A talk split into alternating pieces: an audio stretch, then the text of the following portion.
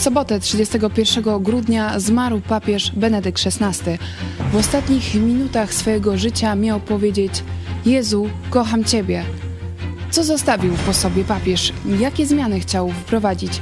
Co dalej z Kościołem katolickim? O tym porozmawiamy już za chwilę i dziś niespodzianka. Naszym gościem będzie ksiądz profesor Andrzej Kobyliński. Już teraz czekamy na Wasze pytania i komentarze. To jest program Idź Pod Prąd na żywo. Kornelia Chojecka, zapraszam. railway to areas and by... I hospitalized in critical condition. This.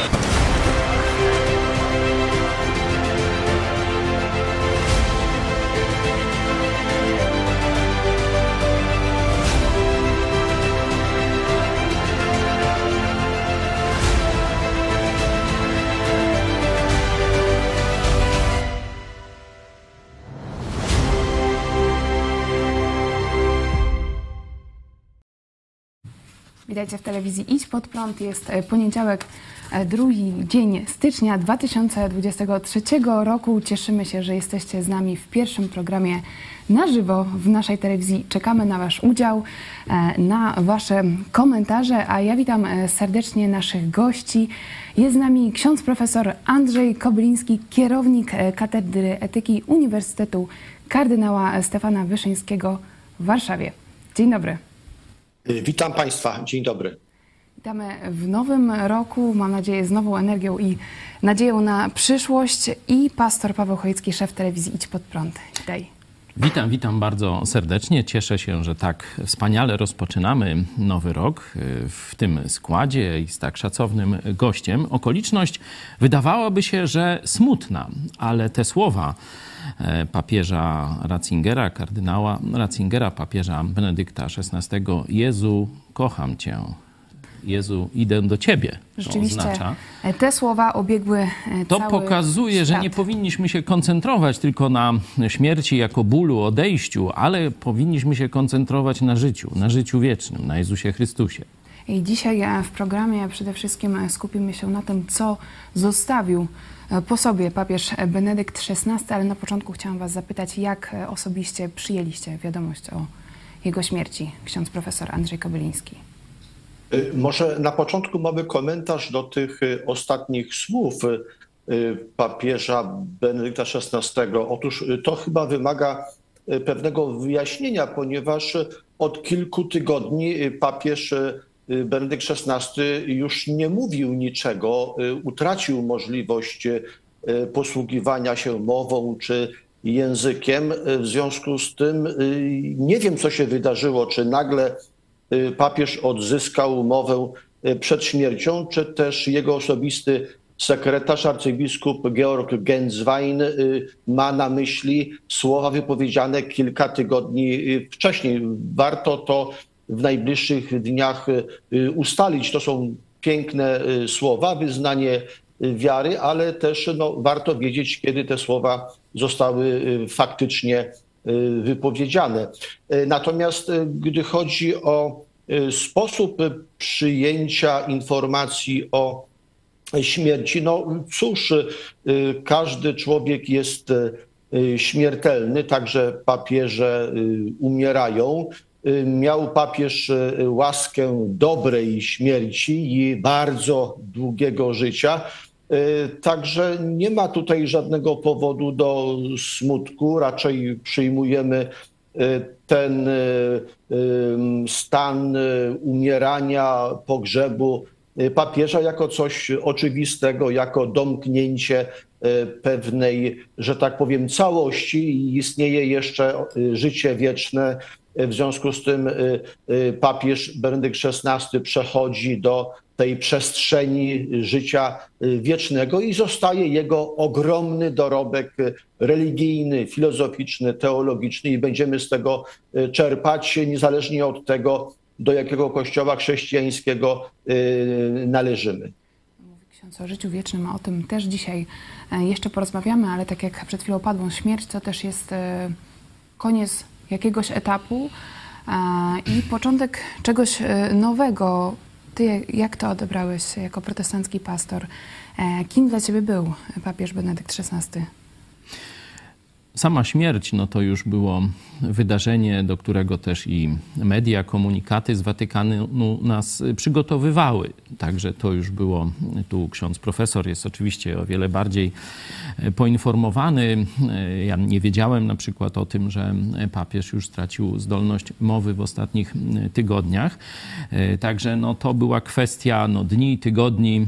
Tak jak ksiądz profesor zauważył, no, nikt tu na ziemi nie żyje wiecznie, stąd 95 lat, no tak, szacowny wiek to w każdej chwili, zresztą i ludziom młodym też się może zdarzyć. Także tu e, przyjąłem to ze spokojem, raczej z takim właśnie z taką myślą, że skończył się pewien etap już tak nieodwołalnie, bo jeszcze do tej pory e, część, szczególnie katolików, utożsamiała się z papieżem Benedyktem, mówiąc, że to jest mój papież, a e, no, papież Franciszek to kompletna jakaś no, inna, inny okres w historii, może nawet inny kościół dla części katolików.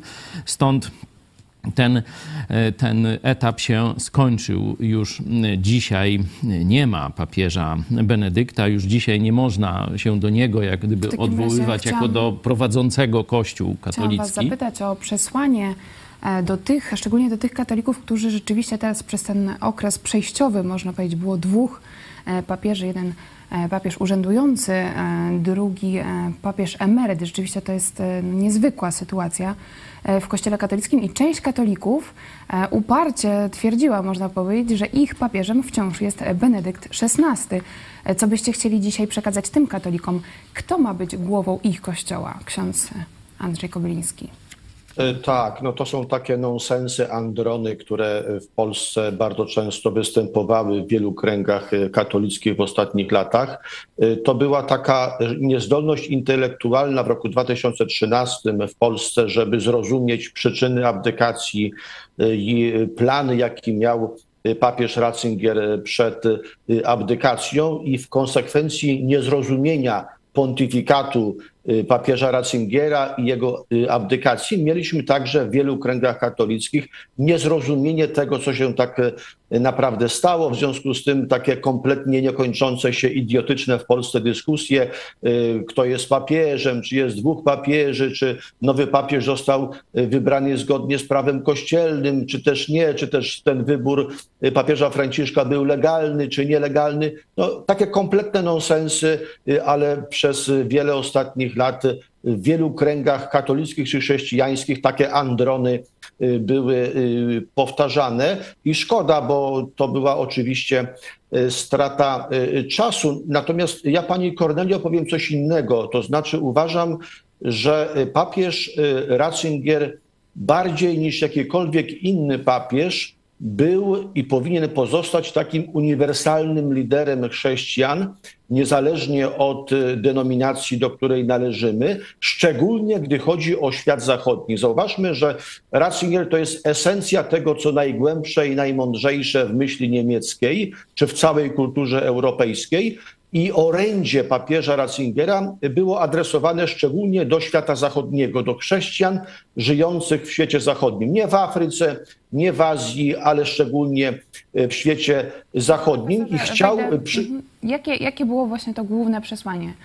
Tak, y, to, tak, y, to się układa w taką całość, y, gdy chodzi o trzy etapy jego działania, czyli ten ostatni etap pontyfikat 2005-2013, wcześniej prefekt Kongregacji Nauki Wiary 81-2005 i te wcześniejsze lata, lata 60., 70., czyli twórczość filozoficzna, teologiczna i jeśli chcemy znaleźć taką nić Ariadny w tej wielkiej twórczości papieża Benedykta XVI, to tym, co jest takim spoiwem, był wysiłek Ratzingera, żeby przemyśleć istotę chrześcijaństwa, czym ono ma być w czasach, które nadchodzą, obecnym trzecim tysiącleciu, i jak chrześcijanie mogą wyznawać wiarę w Jezusa z Nazaretu, będąc mniejszością w większości krajów świata,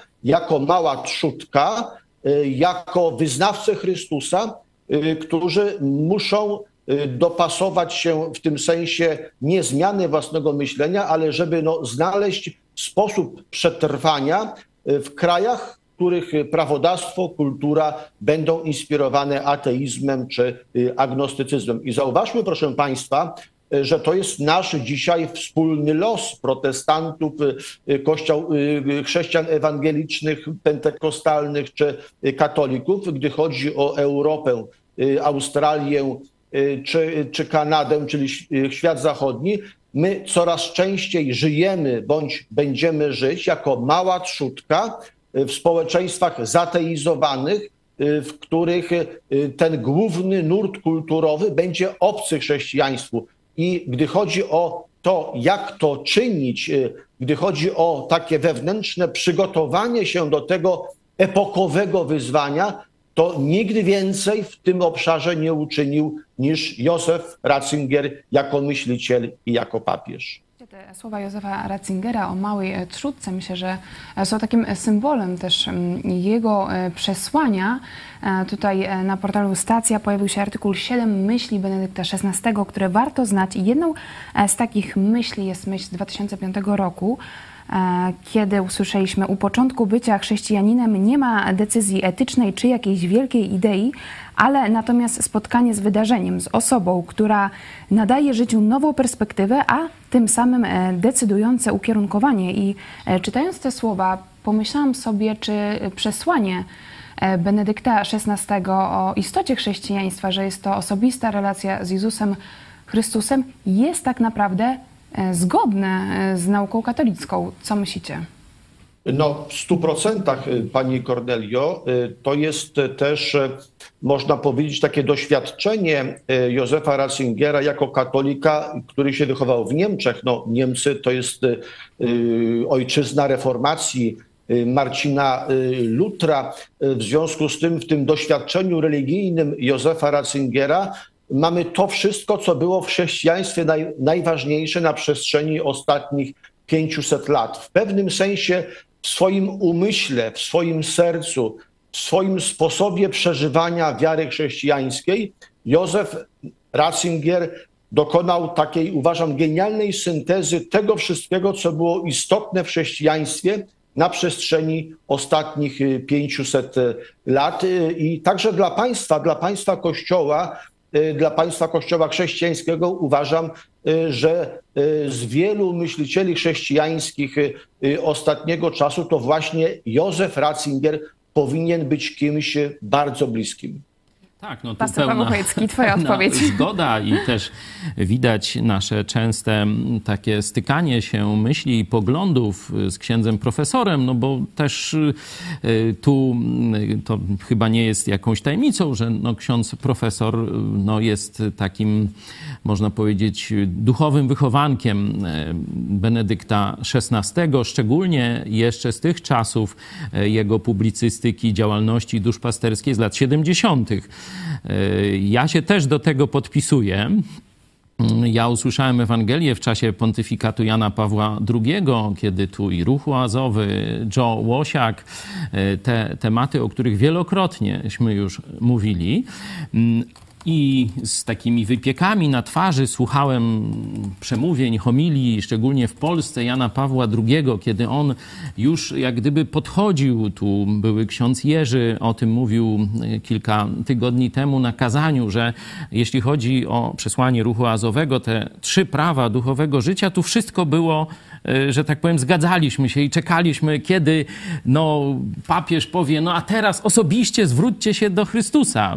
A tu niestety było trochę, trochę inaczej i pewne zawsze tu mieliśmy rozczarowanie. W przypadku Benedykta jest tego albo dużo mniej, albo w ogóle nie ma. Tu rzeczywiście to, co ksiądz profesor podkreśla, jego wychowanie w kraju też Lutra przecież, e, pokazuje, że tam to zrozumienie Biblii i zrozumienie tego sporu doktrynalnego katolicy, protestanci jest bardzo głębokie. I e, wtedy jeszcze ksiądz profesor Ratzinger, kardynał, później no, bardzo dobrze to rozumiał. Wejdę ci w słowo. W książce Ratzingera Słowo Boga, Pismo, Tradycja, Urząd czytamy Luther dostrzegał prostotę Ewangelii i jej wybuchową siłę. Luther w Ewangelii odkrył Ewangelię. Tak Amen. mówił Amen. Józef Ratzinger. Kiedy ja czytam tylko te słowa papieża, nie? zarówno wtedy, kiedy abdykował i kiedy mówił, że prawdziwi chrześcijanie muszą iść pod prąd, nie? E, czy kiedy mówił, patrzcie na Chrystusa, w tym czasie zamętu. To, ten testament jest y, dzisiaj powtórzony, można tak y, powiedzieć, że to przy Chrystusie będzie przetrwanie tych przeróżnych ciemnych czasów, które idą na cywilizację e, zachodnią. Tu też się zgadzam z księdzem profesorem, że to, e, to przesłanie jest właśnie do, do narodów e, chrystianizowanych najwcześniej, czyli do cywilizacji zachodniej. Ono jest tutaj najbardziej takie rezonujące, my to najlepiej rozumiemy.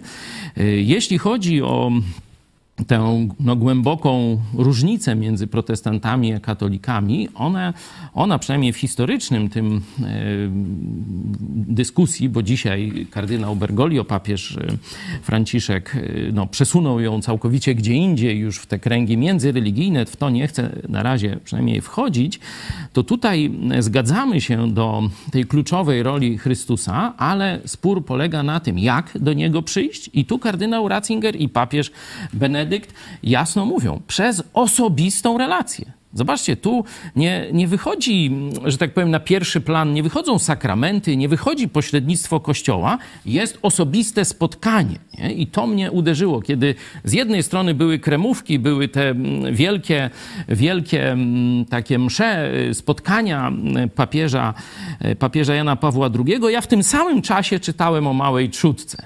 I tu pewnie ksiądz e, profesor się zgodzi, że no jakoś bliższe mi było to, co Ratzinger wtedy pisał. Ale jeszcze odpowiadając tak. na, na, to pytanie, czy e, ta, e, te słowa o osobistej wierze w Jezusa Chrystusa no, można nazwać przekonaniami katolickimi? Może w to dzisiaj za mocno nie wchodźmy. Myślę, że mm, kardynał Ratzinger wskazał drogę, gdzie ludzie, także katolicy i protestanci mogą się spotkać. Sobór Watykański II, Jan Paweł II, e, y, papież Franciszek wskazują nieco inną drogę. Mówią, połączmy się tak, ludzie dobrej woli, jakoś tak, y, czyńmy razem dobro. Tu ekumenizm oczywiście, czyli takie próba jakiegoś połączenia kościołów. A Ratzinger pokazuje, spotkajmy się przy Chrystusie. Samo to ja jestem drogą, prawdą i życiem. To jest pierwsza część Jego testamentu. I tu się z obiema rękoma podpisuje. Chciałam e, zapytać e, teraz jeszcze o e, przyczyny rezygnacji z urzędu. Słyszymy, że Józef Ratzinger był osobą, która miała Jezusa Chrystusa w sercu, na myśli, widać to w jego słowach, a jednak prawie 10 lat temu zdecydował się zrezygnować E, z urzędu e, papieskiego. E, czy dzisiaj jesteśmy w stanie odpowiedzieć, dlaczego? Ksiądz profesor Andrzej Kobyliński. No to jest dość oczywiste od dziewięciu lat, a może nawet od dłuższego okresu, gdy nadszedł moment abdykacji w roku 2013-11 lutego. Y, papież Ratzinger miał już 86 lat y, i były dwie przyczyny y, rezygnacji z urzędu Piotrowego. Pierwsza przyczyna to jest wewnętrzny opór w Kościele w stosunku do linii doktrynalnej, duszpasterskiej, teologicznej Ratzingera, także gdy chodzi o jego politykę oczyszczania Kościoła z brudu, ze skandali, Y, tutaj była ogromna y, niezgoda czy sprzeciw y, dużej części środowisk katolickich w Rzymie, w Europie i na całym świecie. No i druga przyczyna to jest oczywiście starość i gasnące siły. Moja teza jest taka, gdyby nie ten wewnętrzny opór w Kościele, to pontyfikat trwałby dłużej i moment abdykacji byłby przesunięty o y, kilka lat. Y, natomiast y, w związku z tym, że ten opór był bardzo silny, że wojna w kościele była bardzo ostra, no to papież Ratzinger tak naprawdę nie miał innego wyjścia. Wydaje mi się, że już od roku 2000 papież Ratzinger zaczyna rozważać moment abdykacji. Dlaczego rok 2010? No to było takie frontalne starcie w kościele, ale także gdy chodzi o opinię publiczną, europejską czy światową, to było swego rodzaju takie publiczne krzyżowanie papieża na oczach świata, wybuch wielu skandali, no i takie czynienie z Ratzingera swego rodzaju czarnego luda, jakiegoś potwora, który jest odpowiedzialny za całe zło świata. No to było coś niezwykle niesprawiedliwego i wydaje mi się, że rok 2010 to jest ten punkt zwrotny w życiu duchowym, wewnętrznym papieża Ratzingera. Od tego roku zaczyna się rozważanie wariantu abdykacji. Tu pytanie do księdza profesora. Ksiądz profesor wspomina także w innych mediach, że kardynał Angelo Scola był... Angelo Scola. Angelo, Angelo Scola, Scola. był jak gdyby nominowany przez papieża Benedykta na swego następcę. Ten plan się nie udał. Czy to oznacza, że cały plan ratowania Kościoła katolickiego się nie udał? To może tylko takich kilka zdań, gdy chodzi o tego ciągle żyjącego włoskiego kardynała.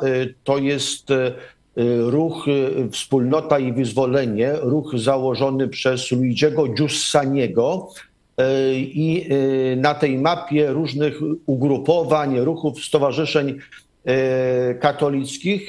Ten włoski ruch, który jest także ruchem międzynarodowym, ma charakter taki, można powiedzieć, intelektualno-konserwatywny i z tym ruchem był też związany nie tylko Angelo Scola, ale także w sensie pewnych relacji towarzyskich Józef Ratzinger. Angelo Scola poznał osobiście Józefa Ratzingera w roku 1971 i od tego momentu to była dość bliska relacja między tymi dwoma wybitnymi katolickimi intelektualistami. I w roku 2011, gdy Angelo Scola był patriarchą, arcybiskupem Wenecji, został nagle przeniesiony na największą włoską diecezję, to jest Mediolan. I pamiętam, że wówczas wielu komentatorów, wielu analityków, watykanistów twierdziło, że to jest wyraźne takie wypromowanie Angelo Scoli, pokazując jakby Włochom, Europie czy, czy światu, że to jest no, ten kandydat, z którym ja się jako Ratzinger utożsamiam i być może powinniśmy przygotować tego kandydata jako kolejnego papieża. Natomiast, panie Pawle, jeśli tak mogę powiedzieć, panie pastorze czy pastorze, no to jest pytanie trudne, ale można powiedzieć tak, że no ten wariant, jeśli rzeczywiście był przez Ratzingera przygotowywany, no to on się nie sprawdził. To znaczy wybuch różnego rodzaju skandali w Watykanie był tak intensywny, ta wewnętrzna wojna była tak wielka, że nie było zgody na to, żeby następcą po Ratzingerze był jakikolwiek włoski kardynał. Wydaje mi się, że to była główna przyczyna tego, że ten wariant dotyczący Angela Scoli, on po prostu, tak mówiąc kolokwialnie, nie wypalił. W związku z tym zaczęto szukać kogoś innego, powracając do kandydatury arcybiskupa Buenos Aires, która była już bardzo silna w trakcie konklawy z roku 2005. No właśnie, jeśli do tego mógłbym nawiązać, czy czasem ten zwrot kardynała Martiniego, który no, reprezentował, kierował tym środowiskiem wrogim konserwatystom, czyli wrogim Ratzingerowi i Wojtyle, Ten zwrot od wstępnego poparcia kardynała Bergoglio w 2005 roku do przeniesienia głosów na kardynała Ratzingera nie był takim tylko taktycznym zwrotem, bo zaraz potem rozpoczęła się nagonka na kardynała Ratzingera, on rezygnuje i już praktycznie nadzieję na powrót konserwatyzmu e, rozwiewa papież Bergoglio, papież Franciszek, kardynał Bergoglio. Czy, czy taki zarys troszeczkę, może powiedzieć, spisku wydaje się księdzu profesorowi prawdopodobny, czy, czy raczej nie? E, gdy chodzi o samego Martyniego, to tutaj e, tego rodzaju e, spiskowa diagnoza, myślę, że trąci myszką. To, to, nie było tak, ponieważ Martyni był zbyt wielką osobowością, zbyt mądrym człowiekiem, zbyt wielkim intelektualistą. Po prostu no, policzono szable. Kandydatura Jorge Bergolia uzyskała około 40 głosów, no i dalej nie było szansy, żeby zwiększyć grupę zwolenników y, argentyńskiego y, kardynała. W związku z tym Martyni wstaje, przemawia, wzywa do zachowania jedności i do przeniesienia głosów na Ratzingera. Myślę, że tak by się zachował każdy inny odpowiedzialny elektor, członek konklawy głosujący na głosujący w wyborze kolejnego y, papieża. Y, natomiast y, no oczywiście w pewnym sensie ci kardynałowie czy te kręgi liberalne, które chciały gruntownej zmiany w kościele już po Soborze Watykańskim II, czy później w latach 70., 80. czy 90., oczywiście te kręgi nie były zadowolone z wyboru Y, Ratzingera y, i nawet y, no, w Polsce ja w wielu kręgach kościelnych spotykałem po roku 2005 no, bardzo ostrą krytykę Ratzingera, takie ośmieszanie Ratzingera, a że to jest Niemiec, że on jest taki pesymista, y, no, że on mówi o takich trudnych rzeczach, y, że to, co on mówi, to może w Niemczech ma jakiś sens, ale przecież nie w Polsce, no bo przecież w Polsce mamy kwitnący katolicyzm y, i wszystko jest nie tak, jak mówi Ratzinger. Było takie absolutnie niepotrzebne ośmieszanie Y, papieża y, Benedykta XVI. Ja mm, często w różnych takich dyskusjach wewnątrzkościelnych stanowczo broniłem y, Ratzingera, pokazując jego prawdziwe oblicze. Tak, ale tu jeszcze mm, sam ksiądz profesor mówi, że e, po tym wstępnym poparciu e, przez to skrzydło liberalne, po wręcz pochwale z ust reprezentanta tego skrzydła, e, czy reprezentantów tego właśnie, tej tendencji do oczyszczenia brudu w kościele, kiedy papież już Benedykt XVI bierze się za to, to, to jest osamotniony nie tylko osamotniony, ale spotyka się, tak jak ksiądz profesor mówił, na tym polskim podwórku, to można powiedzieć w Watykanie również, z ogromną i niesprawiedliwą krytyką, czy czasem jednak mm, no to nie pokazuje, że, że to, to poparcie na konklawę było tylko taktyczne. E, nie, z tym się nie zgadzam, ponieważ e, także e, kardynał Martyni był za oczyszczeniem Kościoła. Może powiedzmy tak, żeby to uporządkować. W sensie doktrynalnym można mówić o takich głównych napięciach i w katolicyzmie, i w państwa y, kościele i w islamie i wielu innych religiach między skrzydłem konserwatywnym i skrzydłem liberalnym. Jeśli państwa kościół się będzie rozwijał w najbliższych y, latach czy dziesięcioleciach, to też prędzej czy później zacznie dochodzić do y, starcia frakcji liberalnej i frakcji konserwatywnej, gdy chodzi o rozumienie homoseksualizmu, Jezusa Chrystusa i jego kazania na górze i tak dalej, i tak dalej. No to jest naturalny los wszystkich religii, że prędzej czy później dochodzi do napięcia między liberalnym i konserwatywnym rozumieniem prawdy, wiary i moralności.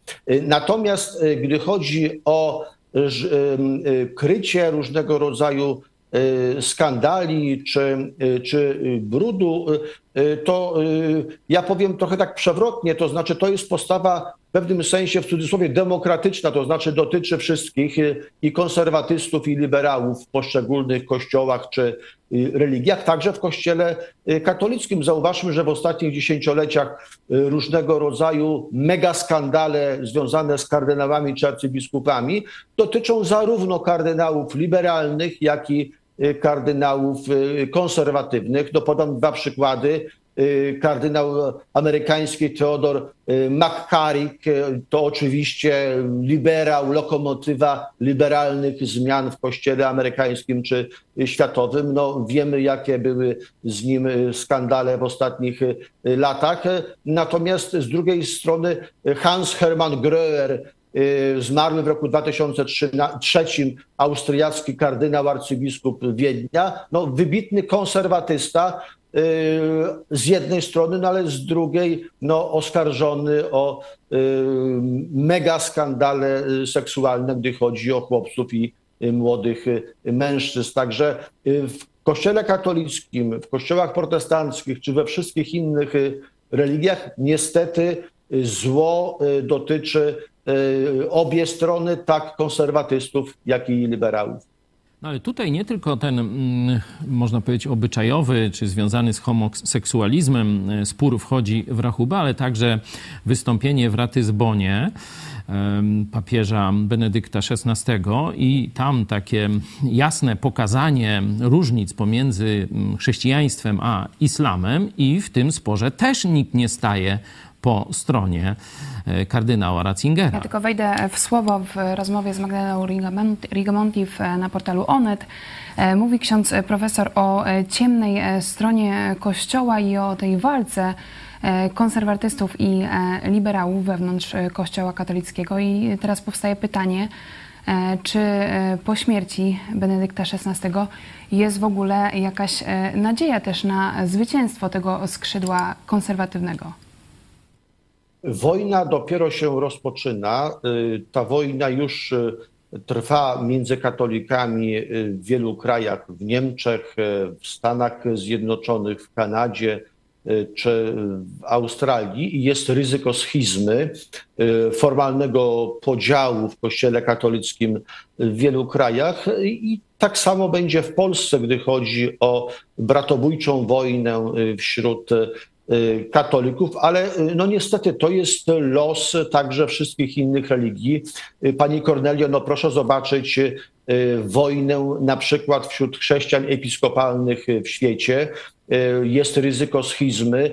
Kościoły episkopalne y, afrykańskie chcą, chcą się odłączyć od y, ogólnoświatowej federacji y, kościołów episkopalnych z powodu nowego rozumienia homoseksualizmu, małżeństw gejowskich i dopuszczania do funkcji kapłańskich lesbijek czy gejów w kościele episkopalnym w Wielkiej Brytanii czy w Stanach Zjednoczonych. Podobnie jest z kościołem metodystycznym w Stanach Zjednoczonych, on jest też na granicy schizmy e, i głównym e, powodem e, prawdopodobnej schizmy jest stosunek chrześcijan do homoseksualizmu. Także no, to jest dzisiaj główny przedmiot wojny. Tak jest w Niemczech wśród katolików. Niemcy to jest około 22 milionów katolików mniej więcej 90% niemieckich katolików y, jest zwolennikami liberalnej rewolucji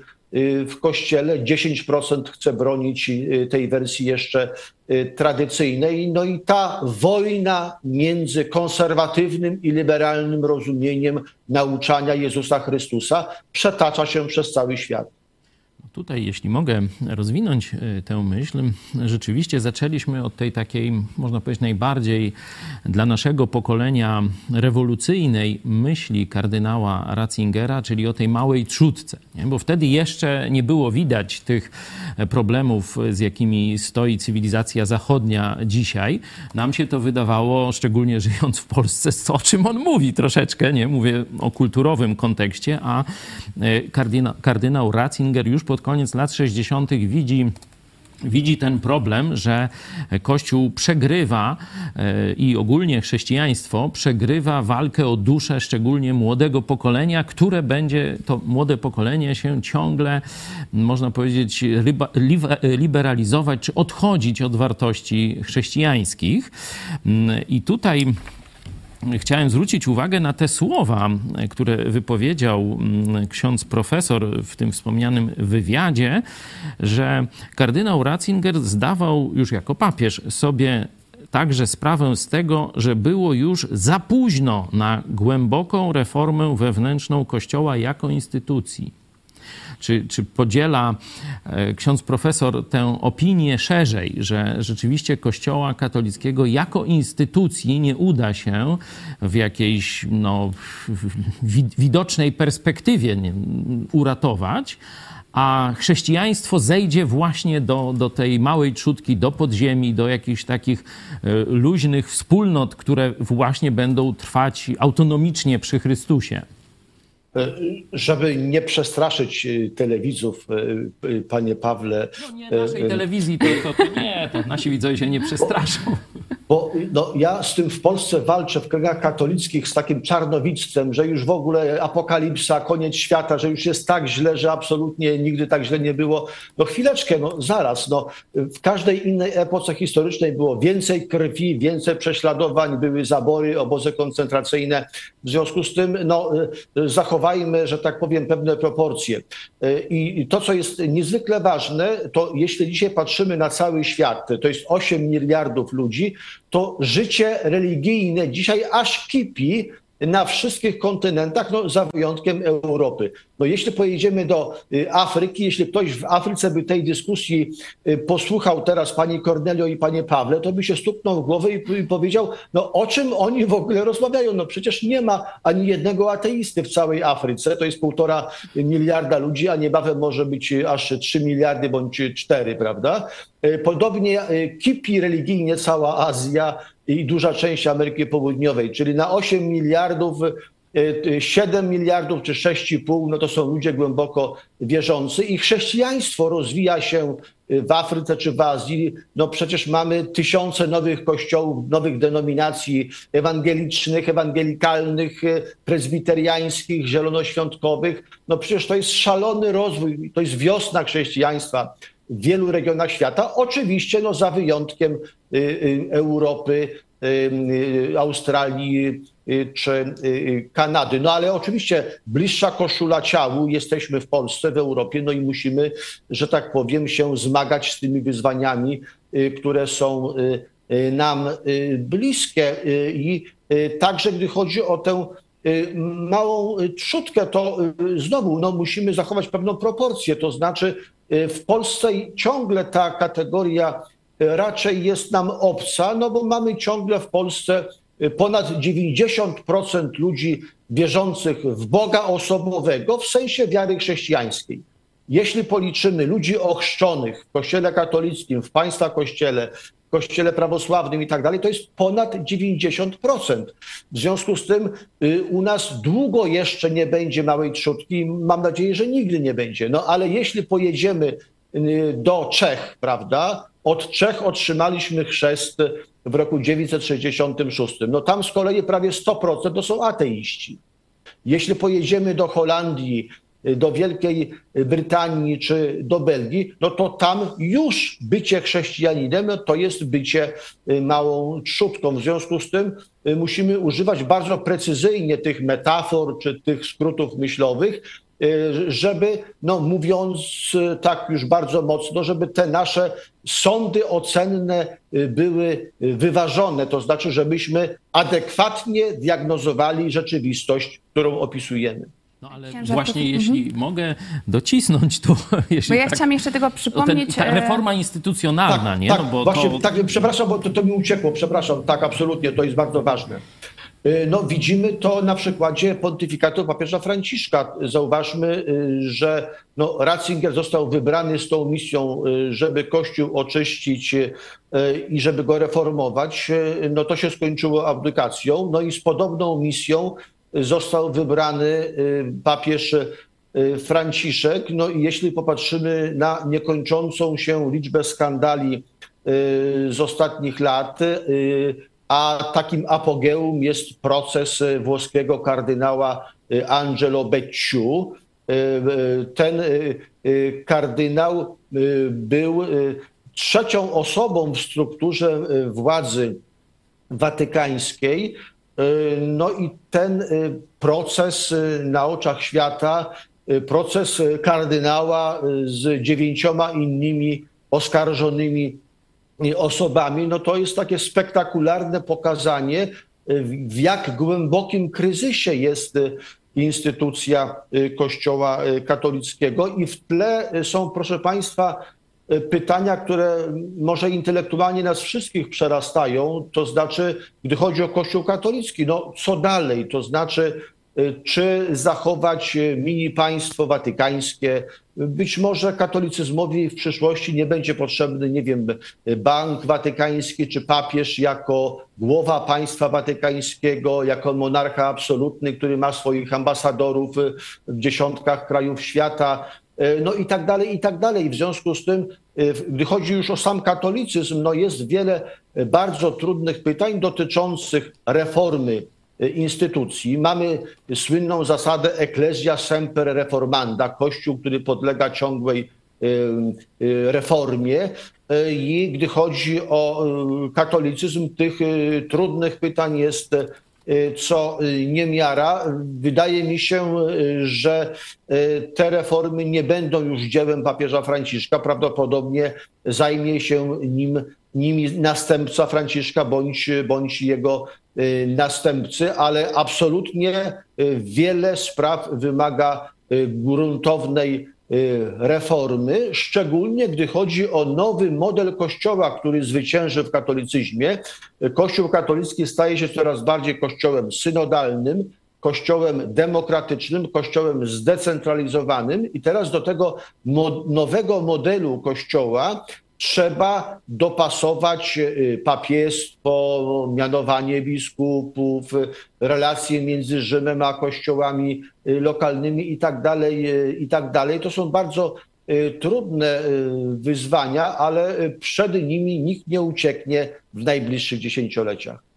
Ksiądz profesor o głębokim kryzysie Kościoła katolickiego. Ja pamiętam jeden z wywiadów, to było chyba kilka lat temu, kiedy ksiądz profesor przywoływał końcówkę lat 90., kiedy miał ksiądz kryzys i nawet rozważał odejście z Kościoła katolickiego, ale ostatecznie zdecydował się ksiądz pozostać w Kościele katolickim i starać się reformować go od środka. I chciałam zapytać, czy dziś podobne myśli nie przychodzą o jednak rozważeniu, żeby odejść z tej instytucji? Nie, Pani Kornelio, nigdy nie było aż tak źle, żebym rozważał odejście z Kościoła katolickiego, ale tutaj może taka jeszcze uwaga do wcześniejszej wypowiedzi pana Pawła, pastora Pawła, gdy chodzi o małą trzutkę. Nie wiem, może później pastor Paweł to skomentuje, kiedy jakby w jego umyśle pojawiła się po raz pierwszy ta kategoria małej trzutki. Takie dwie uwagi. Dla mnie w sensie intelektualnym no, to była lektura książki Ratzingiera, raport o stanie wiary, Vittorio Messori, który przeprowadził wywiad rzekę z Józefem Ratzingerem. To jest 85 rok. Ja czytałem tę książkę w wersji polskiej w roku 87, ale wcześniej, w roku 86, ja byłem po dwóch latach handlu zagranicznego Szkoły Głównej Planowania i Statystyki przez kilka miesięcy w Europie Zachodniej, Niemcy, Berlin Zachodni, Wiedeń, Austria. I dla mnie to było takie osobiste spotkanie z ateizmem. Ja tego nigdy nie zapomnę i o tym chyba pani Cornelio rozmawialiśmy po tym moim wywiadzie dla tygodnika Polityka. Ja w tym wywiadzie opisywałem właśnie te moje spotkania z tą gigantyczną, monumentalną katedrą w Kolonii. Kolonia, wielkie, średniowieczne niemieckie miasto i ta gigantyczna, monumentalna katedra, która dominuje nad całą kolonią, nad całym tym wielkim niemieckim miastem. I ja no, wielokrotnie chodziłem do tej katedry przez kilka tygodni, czy siadałem przed tą wielką, majestatyczną budowlą i wręcz no, miałem taki fizyczny ból głowy, gdy widziałem tłumy ludzi wokół tej katedry, i w środku tej katedry, ale ludzi z aparatami fotograficznymi, głównie z Chin czy z Japonii. Byli to najczęściej albo ateiści, albo agnostycy, albo ludzie wyznający y, inne religie niż y, chrześcijańska i to zderzenie z jednej strony tego tłumu niechrześcijan y, z tą monumentalną świątynią chrześcijańską no, pokazywało mi tak bardzo wyraźnie, jakie jest główne starcie, gdy chodzi o Niemcy, czy gdy chodzi o Europę i jakim wyzwaniem dla chrześcijaństwa europejskiego staje się obojętność religijna. No tutaj rzeczywiście, jeśli chodzi o przyszłość, to wygląda na to, że ten właśnie jakiś taki luźny model katolicyzmu światowego gdzieś wpisuje się w taką wizję bardzo znowu ciemną e, arcybiskupa Fultona Szyna, e, który przedstawiał, że w przyszłości Kościół katolicki e, będzie ewoluował, ten instytucjonalny, w kierunku jakiegoś takiego luźnego związku, gdzie Chrystus zostanie, można powiedzieć, zdetronizowany, a w to miejsce coraz bardziej zło będzie, że tak powiem, osobowe czy, czy, czy moralne wpisywane. To jest rok 1900 1948. Tak, czyli to jest mniej więcej 20 lat przed tą koncepcją e, Ratzingera małej e, trzutki. Ja też w tym 86, 7 roku e, czytałem takie eseje właśnie, gdzie były omawiane te, te dziwne wtedy wypowiedzi kardynała Ratzingera i to się tam, że tak powiem, nam mocno, mocno korespondowało. I teraz odpowiadając na to pytanie tego zderzenia tych cywilizacji, które mamy w Europie, widzimy, że w Afryce, w Azji, kiedy to zderzenie jest faktyczne już od setek lat, e, tam właśnie taka gorąca ewangelizacja i żywy Kościół sobie radzi. A być może właśnie Europa z tym kościołem takim e, scentralizowanym, zinstytucjonalizowanym, sklerykalizowanym i zrytualizowanym nie potrafi przedstawić oferty żywego chrześcijaństwa i stąd ten regres akurat w naszej przestrzeni kulturowej. Z pewnością jest to ważna przyczyna, gdy chodzi o ten cały aparat y, kościołów tradycyjnych, y, aparat, y, gdy chodzi o instytucje. No zauważmy, że w Niemczech w równym stopniu obumiera Kościół katolicki, die katholische Kirche, jak i Kościół ewangelicki, luterański, die evangelische Kirche. Każdego roku występuje z obu kościołów po 100, po 200 tysięcy Y, chrześcijan, no to są rzeczy absolutnie y, przerażające y, i to jest specyfika zachodniego kręgu kulturowego, ale jest no, też taka nadzieja, zauważmy, gdy, gdy chodzi o Stany Zjednoczone, zauważmy, że to jest no 335 milionów mieszkańców i ciągle Stany Zjednoczone w ponad 90% to jest kraj religijny, tak mniej więcej jak Polska, to znaczy ponad 90% mieszkańców USA wyznaje wiarę w Boga y, osobowego. Zauważmy, jak się świetnie rozwijają różne kościoły y, chrześcijańskie w Stanach Zjednoczonych. W związku z tym wydaje mi się, że jako Europejczycy możemy podpatrywać to, y, co się udało w Stanach Zjednoczonych, ponieważ tym, co jest największym Wyzwaniem w Europie to jest oczywiście dobrobyt, y, wysoki poziom y, konsumpcji, rozwój y, naukowo-techniczny. No to wszystko, że tak powiem, zaczyna mieszkańcom z świata zachodniego tłumaczyć całą rzeczywistość, że jakby już nie starcza miejsca na Boga czy na pytania metafizyczne i z tym się będziemy mierzyć coraz bardziej także w Polsce. Zauważmy, że Polska staje się na dobre i na złe typowym zachodnioeuropejskim społeczeństwem. No i widzimy tę galopującą ateizację, sekularyzację dzieci i młodzieży. No przecież oczywiście znowu jest wiele przyczyn, można by o tym długo mówić. Także u Państwa w telewizji o tym już przed dwoma, trzema laty mówiliśmy, ale z pewnością tym wyzwaniem, które jest wspólne i dla państwa Kościoła, i dla, dla Kościoła katolickiego, no to jest pytanie, jak głosić Ewangelię Jezusa Chrystusa w społeczeństwie dobrobytu, wysokiej konsumpcji, y, gdy ludzie stają się coraz bogatsi i życie jest po prostu y, wygodne i takie, że tak powiem, ukierunkowane na maksymalizację y, przyjemności. No jak w takim świecie pokazać oryginalność i piękno Ewangelii Jezusa Chrystusa, jak jeszcze zachować miejsce na życie pozagrobowe. Taka tylko jeszcze jedna myśl, jedno zdanie. Słyszałem ostatnio taką wypowiedź socjologiczną, która myślę dość dobrze pokazuje problem. To znaczy, że przez ostatnie dziesięciolecia czy stulecia przy badaniach młodych ludzi czasami chciano odkryć, co młodzi ludzie mogą zaoferować kościołom czy wspólnotom religijnym. Natomiast dzisiaj coraz częściej tego rodzaju pytań młodzi ludzie nie rozumieją. To znaczy, to oni ch chcą mieć pewność, w czym może im religia pomóc? To znaczy, co może im dać religia?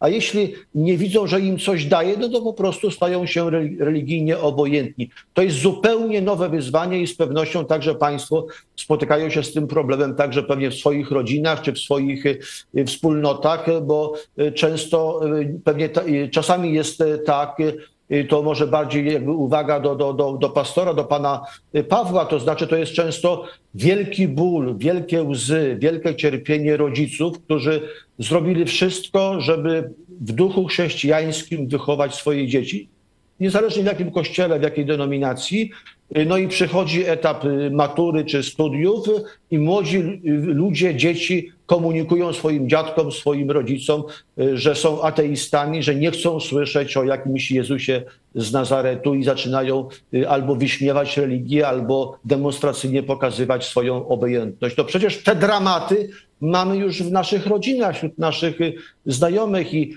państwo są ciągle kościołem, że tak powiem, rozwijającym się, Y, mało liczebnym, ale prędzej czy później te dramaty będą także dotyczyć państwa rodzin i państwa wspólnot. To rzeczywiście jeszcze tylko dodam od siebie, że e, badania pokazują, że ten e, wiek decyzji e, odejścia od kościoła, od instytucji, to jest nawet wcześniej niż matura. To jest najczęściej ten okres 14 16 lat, ale jeszcze odnośnie słów księdza profesora porównania sytuacji w Polsce do krajów zachodnich, to jednak również ankiety pokazują, że w Polsce ludzie raczej rezygnują z instytucji, ale rzadko kiedy rezygnują e, z wiary w Boga. Także mm, to może być ta e, nadzieja, że jednak Polska nie, staje, nie stanie się krajem ateistycznym, ale wcześniej mówiliśmy o, o reformie Kościoła katolickiego. Chciałam teraz to przenieść na sytuację w Polsce. Jeśli Czy tylko w ogóle... jedno zdanie,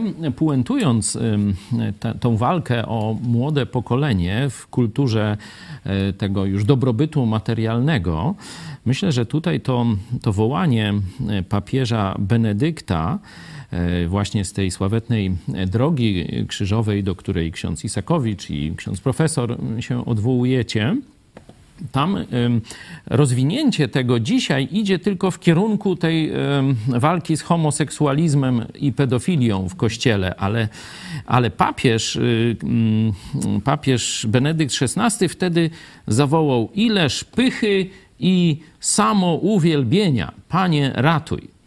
Nie? Także tu myślę, że odpowiedzią na takie zobojętniałe, czy, czy wręcz przychodzącego, przychodzące do kościoła jak klient, co wy tu macie na sprzedaż, czy znaczy co, co nam zaoferujecie, e, jest y, no, tak w, w duchu Benedykta, to jest wyzbycie się pychy i samouwielbienia na rzecz służby służby Jezusowi i służby tym ludziom, żeby porwać ich przykładem właśnie gorącego serca dla Boga, że oni szukają, oni są puści. Oni Panie, myślą, tak. czym zapełnić życie. No i teraz. Panie Pawle, to jest to. Prawdziwi pasterze. Które... Tak, tak, ale więcej, jedno słowo. Y, to jest to słowo niemieckie die Weltlichkeit, światowość. Y, Ratzinger bardzo często w swoich pismach y, tego pojęcia używał i właśnie oskarżał tradycyjne kościoły chrześcijańskie w Europie o światowość, to znaczy, że y, kościoły odeszły od y, żywego Boga, od głoszenia Jezusa Chrystusa, obrosły y, w struktury, w instytucje. Czasami jeszcze w niektórych krajach stały się takim, można powiedzieć, taką przybudówką władzy, monarchii. No to wszystko jest ta światowość i tutaj, gdy był Ratzinger już jako papież z pielgrzymką w Niemczech, e, e, to w kilku przemówieniach to bardzo wybrzmiało. To znaczy e, mówił jasno Ratzinger, że kościoły, które stają się w tym głębokim sensie światowe, znaczy sekularyzowane, one po prostu nie mają przyszłości. To znaczy takie instytucje bez ducha, one po prostu będą wymierać. E, co by e, ksiądz e, profesor w takim razie zaproponował młodym Polakom, którzy teraz masowo czy rezygnują z lekcji religii, czy w ogóle przestają chodzić do kościoła? Gdy chodzi o Kościół katolicki, no ja, że tak powiem, tyle ile mogłem zrobić przez ostatnich prawie 25 lat, to wydaje mi się, że zrobiłem i wzywałem do reformy także w Kościele katolickim y, już ponad 20 lat temu. Y, natomiast y, dzisiaj, że tak powiem, instytucja Kościoła katolickiego w pewnym sensie spada po równi pochyłej, ponieważ nie ma moralnej siły wewnętrznego Kościoła, żeby, żeby zatrzymać ten postępujący Y, kryzys i żadne apele y, pani Cornelio dzisiaj do młodych, one są bez sensu. Y, to znaczy nikt takich apeli nie słucha. Natomiast ludzie młodzi są wrażliwi na wiarygodność. W związku z tym ja bym odwrócił to pytanie, pani Cornelio, to znaczy ja bym nie apelował do młodych ludzi, tylko bym apelował do siebie czy do duchownych, biskupów, ludzi w kościele katolickim, jak odzyskać wiarygodność, żeby to czyste orędzie Jezusa Chrystusa i Ewangelii w Kościele zaczęło przyciągać młodych ludzi, a nie odstraszać, bo zauważmy, że dzisiaj no, bardzo często ten obraz biskupów, księży, Kościoła katolickiego w mediach jest absolutnie odstraszający. W związku z tym. Ja zapytam, czy nie jest na to za późno na odzyskanie wiarygodności? Y, no, w Czechach zostały resztki. W Holandii, w Belgii, w Irlandii mamy pogorzelisko. Y, w Polsce tego tak na razie dramatycznie nie widać, ponieważ tak jak pani powiedziała bardzo słusznie e, kilkanaście minut e, temu, e, w Polsce nawet jeśli ktoś dokonuje apostazji odchodząc z kościoła, albo jeśli ktoś staje się obojętny religijnie w sensie praktyk religijnych, to jeszcze ciągle w sercu zachowuje wiarę religijną, wiarę w Boga osobowego. Także w Polsce my jeszcze nie mamy masowego ateizmu, to są ciągle mniejszościowe y, przypadki. Y, I ciągle y, mamy rewelacyjną, świetną sytuację, ponieważ mamy ponad 90% mieszkańców naszego kraju wierzących w Boga osobowego.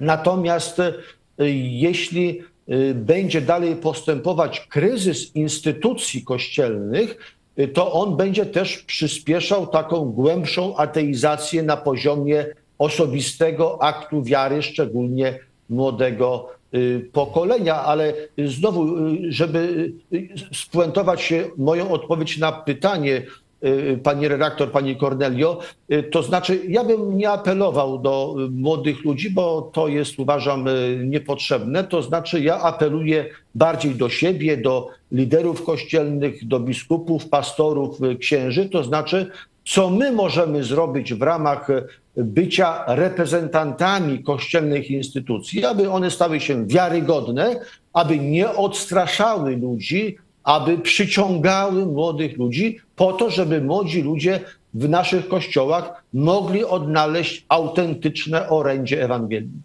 No, apel piękny, oczywiście się podpisuje. Tylko wszyscy myślę, że no mamy, ale... mamy w pamięci te afery pedofilskie, no afery finansowe, Chciałem zapytać... o których Polacy słyszą praktycznie każdego dnia w ciągu ostatnich lat e, w Kościele Chciałem zapytać katolickim. o takie konkrety, no bo tu piękne słowa mówimy, a tu na przykład um, arcybiskup Jędraszewski, wbrew zaleceniom papieża Franciszka zresztą, e, to badanie, e, odwołanie się do świeckich katolików, do głosu parafian, e, no co robi? No utajnia cały ten, ten synodalny proces badania tej, jak powie, powiedzmy, katolickiej opinii publicznej. Inny, najbardziej znany hierarcha, czyli ksiądz kardynał Dziwisz, no tu ksiądz profesor, były ksiądz profesor Obirek, no wręcz otwarcie mówi, że żyje w związku homoseksualnym, i wszyscy o tym wiedzą, no to, to jak gdyby, czy te apele to nie za mało, księże profesorze?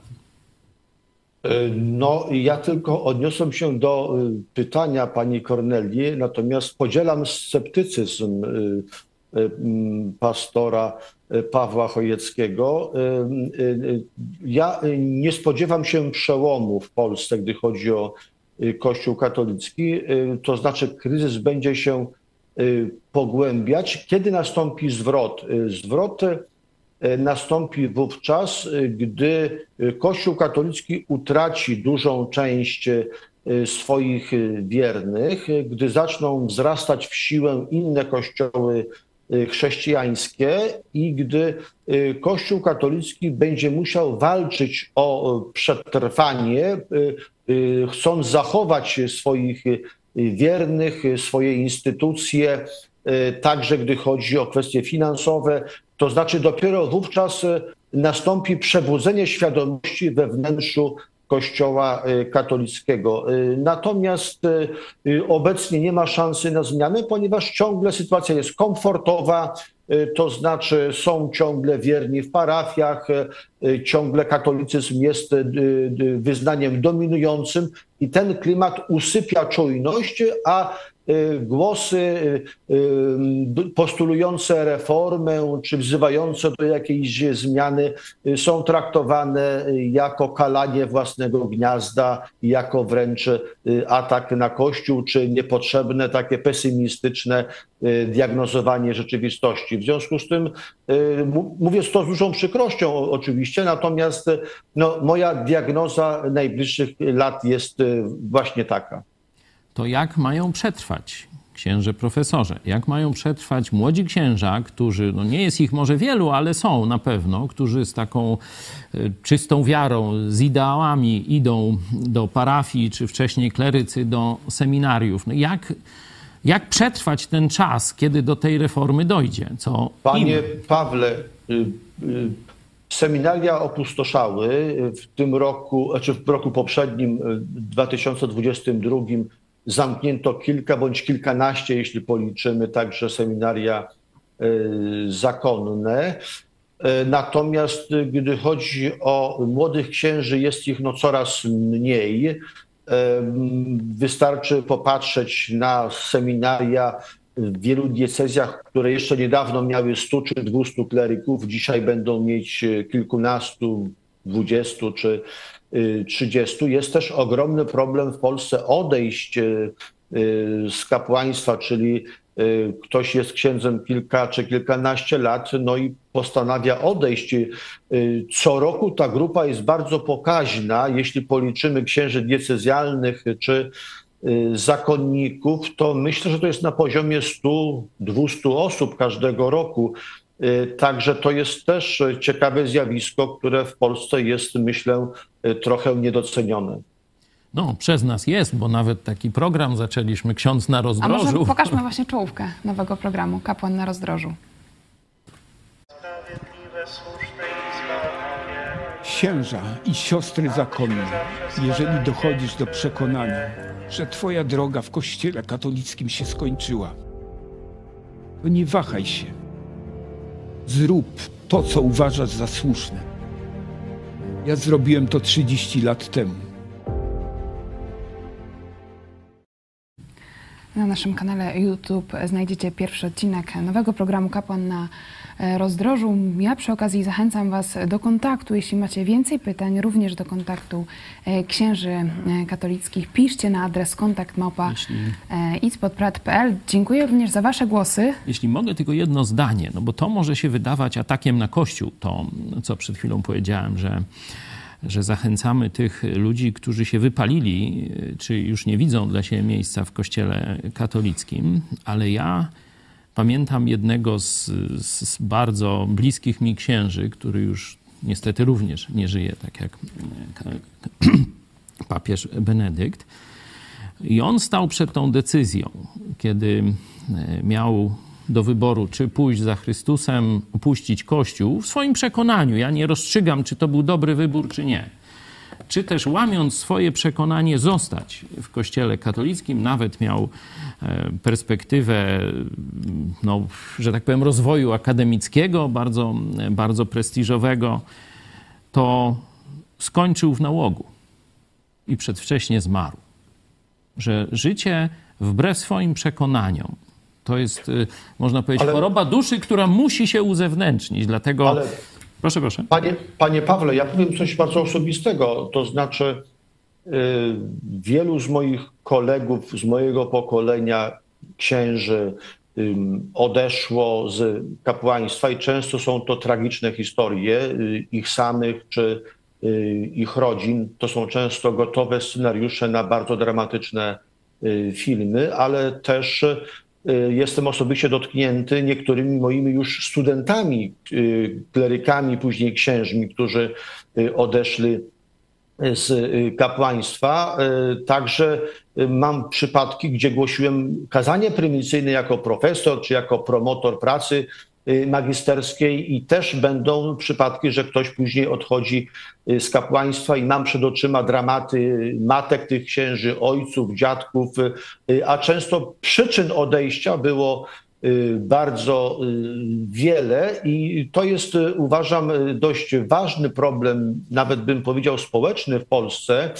Y, y, Za mało o tym y, mówimy. Natomiast y, też y, czymś uważam naturalnym jest y, y, decyzja zgodna z sumieniem, że y, ktoś y, rozważając y, w swoim umyśle, w swoim sercu z Panem Bogiem rozumienie y, prawd wiary, no stwierdza, że bliżej mu do takiego czy innego y, wyznania y, chrześcijańskiego, czy nawet innej religii. No, żyjemy w wolnym kraju, y, mamy gwarantowaną y, wolność sumienia i y, ludzie mają prawo y, dokonywać swoich ważnych decyzji, także gdy chodzi o przynależność wyznaniową. Także to jest, no, uważam, czymś normalnym i zawsze decyzje sumienia indywidualnych jednostek powinny być czymś, co ma pierwszeństwo przed wszystkimi innymi zobowiązaniami. I wciąż e, pozostaje e, to pytanie, czy e, dobre drzewo może rodzić złe owoce, ale to już każdy powinien sam sobie odpowiedzieć. Mamy sondę e, dzisiaj z Lublina. Jakie znaczenie miał dla Ciebie pontyfikat Benedykta XVI i co pomyślałeś, gdy dowiedziałeś się o jego śmierci? Pokażmy ten materiał. Wracamy za chwilę. Jakie znaczenie miał dla Państwa pontyfikat Benedykta XVI? Dla mnie żadnego. Dla Kościoła zrobił dużo i, i, i dla wierzących na pewno też. Był taką postacią właśnie obok naszego e, papieża Polaka, taką dosyć wyjątkową osobą. Był bardzo dobrym człowiekiem, miłym. On tam trochę bronił przed tą pedofilią w kościele. Jak dla katolika dla mnie to jest takie e, troszkę bolesne, że tak powiem, że takie rzeczy działy się w Watykanie. On ostrzegał, przy- przywoził wcześniej podobno naszego papieża przed tymi sprawami takimi nieczystości w kościele. Chciał dobrze, ale chyba nie miał siły przebicia. Bo tam ten Angelo Sodano i tak dalej. bo był konserwatywnym papieżem. Ten nowy papież to taki na pograniczu działa troszeczkę, tak jest bardzo nowoczesny, jak dla mnie to bardzo nowocześnie działa. Wolę, no, ten był bardzo, bardzo był konserwatywny. Był dla mnie ciekawszy jak ten obecny papież. Znaczy tamten mi się bardziej podobał, jak- jako człowiek, jako teolog przede wszystkim. Dla mnie jest wielki człowiek na pewno i cieszę się, że był ktoś taki na świecie. Też uważam, że to był wielki człowiek, doktor kościoła, niesamowity umysł. Co pan pomyślał właśnie w chwili dowiedzenia się o jego śmierci w Sylwestra? No powiem szczerze, że mi się trochę, nie to, że smutno zrobiło, ale żal, nie? Raczej taka przykra sprawa, no ale jakoś bardzo sobie tego do Na, serca. ba- na pewno bardziej przeżyliśmy śmierć Jana Pawła II. W zasadzie nic nie pomyślałem. Był ważną osobą, ale no, niestety umarł. No szkoda jako człowieka, no ale troszkę przeżył. Była chwila refleksji, ale w związku z tym, że wiek już miał słuszny, 95 lat, no to życzmy sobie takich lat.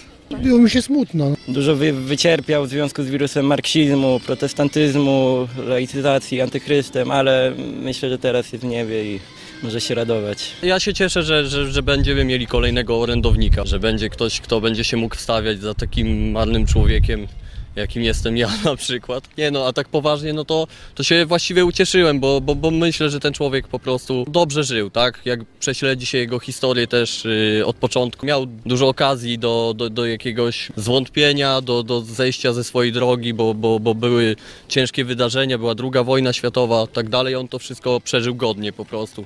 Dla mnie takie fakty się liczą, że, że, że wiadomo, różne rzeczy można mówić, ale jak człowiek żył, tak człowiek żył. Dziękujemy za ten materiał. Czy chcecie w jakiś sposób skomentować e, sondę z Lublina? No to są, Pani Kornelio, takie, można powiedzieć, e, od serca wypowiedzi i tak mniej więcej ludzie w Polsce e, patrzą e, na e, Ratzingera. E, Natomiast e, myślę, że było dużo sympatii w Polsce, e, ale było mniej e, zrozumienia tego, o co tak naprawdę chodziło e, temu papieżowi, ale to jest też no, zrozumiałe, ponieważ e, nasze doświadczenie religijne w Polsce przy ponad 90% ludzi wierzących w Boga no, jest inne niż to, co jest e, w Niemczech czy w innych krajach zachodnich. W związku z tym uważam, że dopiero w najbliższych latach czy dziesięcioleciach, gdy będziemy mieć poważne w Polsce wyzwanie ateizmu czy obojętności religijnej, większa grupa mieszkańców naszego kraju będzie powracać do spuścizny, którą zostawił Józef Ratzinger. Mnie zastanowiła też e, taka jedna wypowiedź. E, Pan powiedział, że jednak wolał papieża Benedykta XVI niż obecnego e, papieża i tak pomyślałam, że ten PR jednak obecnego papieża, szczególnie w trakcie wojny na Ukrainie się mocno zmienia i to nawet widać po tych e, wypowiedziach, że teraz być może ludzie bardziej pozytywnie patrzą jednak na e, poprzedniego e, papieża, bardziej konserwatywnego. No tu pojawiło się też porównanie odejścia Jana Pawła II i Benedykta XVI.